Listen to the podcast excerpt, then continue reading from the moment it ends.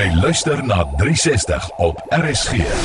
Die mense gaan kla, Ignatius, dat jy nou al oor Kersfees wil praat. Jingle bells blykbaar. Ek sal dit stadig hou, min, ek stadig. Maar jy weet Martlies, daar's 'n tyd en 'n plek vir alles. En Kerstyd is seker die tyd wanneer jy klokkespel verwag. Maar hoe welkom is 'n klok in jou buurt? Ek het groot geword op die platteland, so ook my vrou.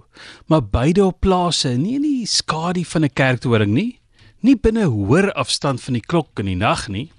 Op die plaas pla die hane vroegoggend. Die kerktoring se hane is gelukkig stil. Toe ek en my vrou 'n slag op 'n klein dorpie gaan vakansie hou en die hotel aan die voet van 'n kerk is, die kerkklok op die uur sy volle ure aftel en op die halfuur net een dong gee. En die lang afstand vragmotors ratte moet wissel om stadig die draai voor ons kamervenster te vat. Krimp ons vakansie week na iets soos 2 of 3 nagte. As jy dink jy wil op 'n plek gaan woon, moet jy liefs maar eers 'n week of wat op die dorp gaan kuier. Anders gaan jy verstaan hoekom inkommers inkommers is.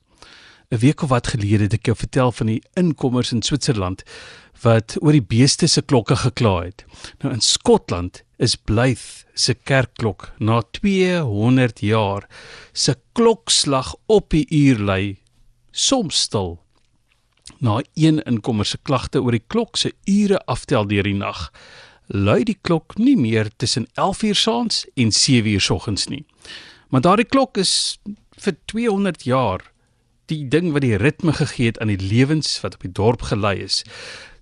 Nou is daar 'n petisie van die inwoners dat hulle die klankbaan tot hulle lewens terugsoek.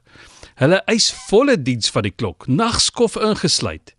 In 'n japtrap was daar meer as 900 handtekeninge.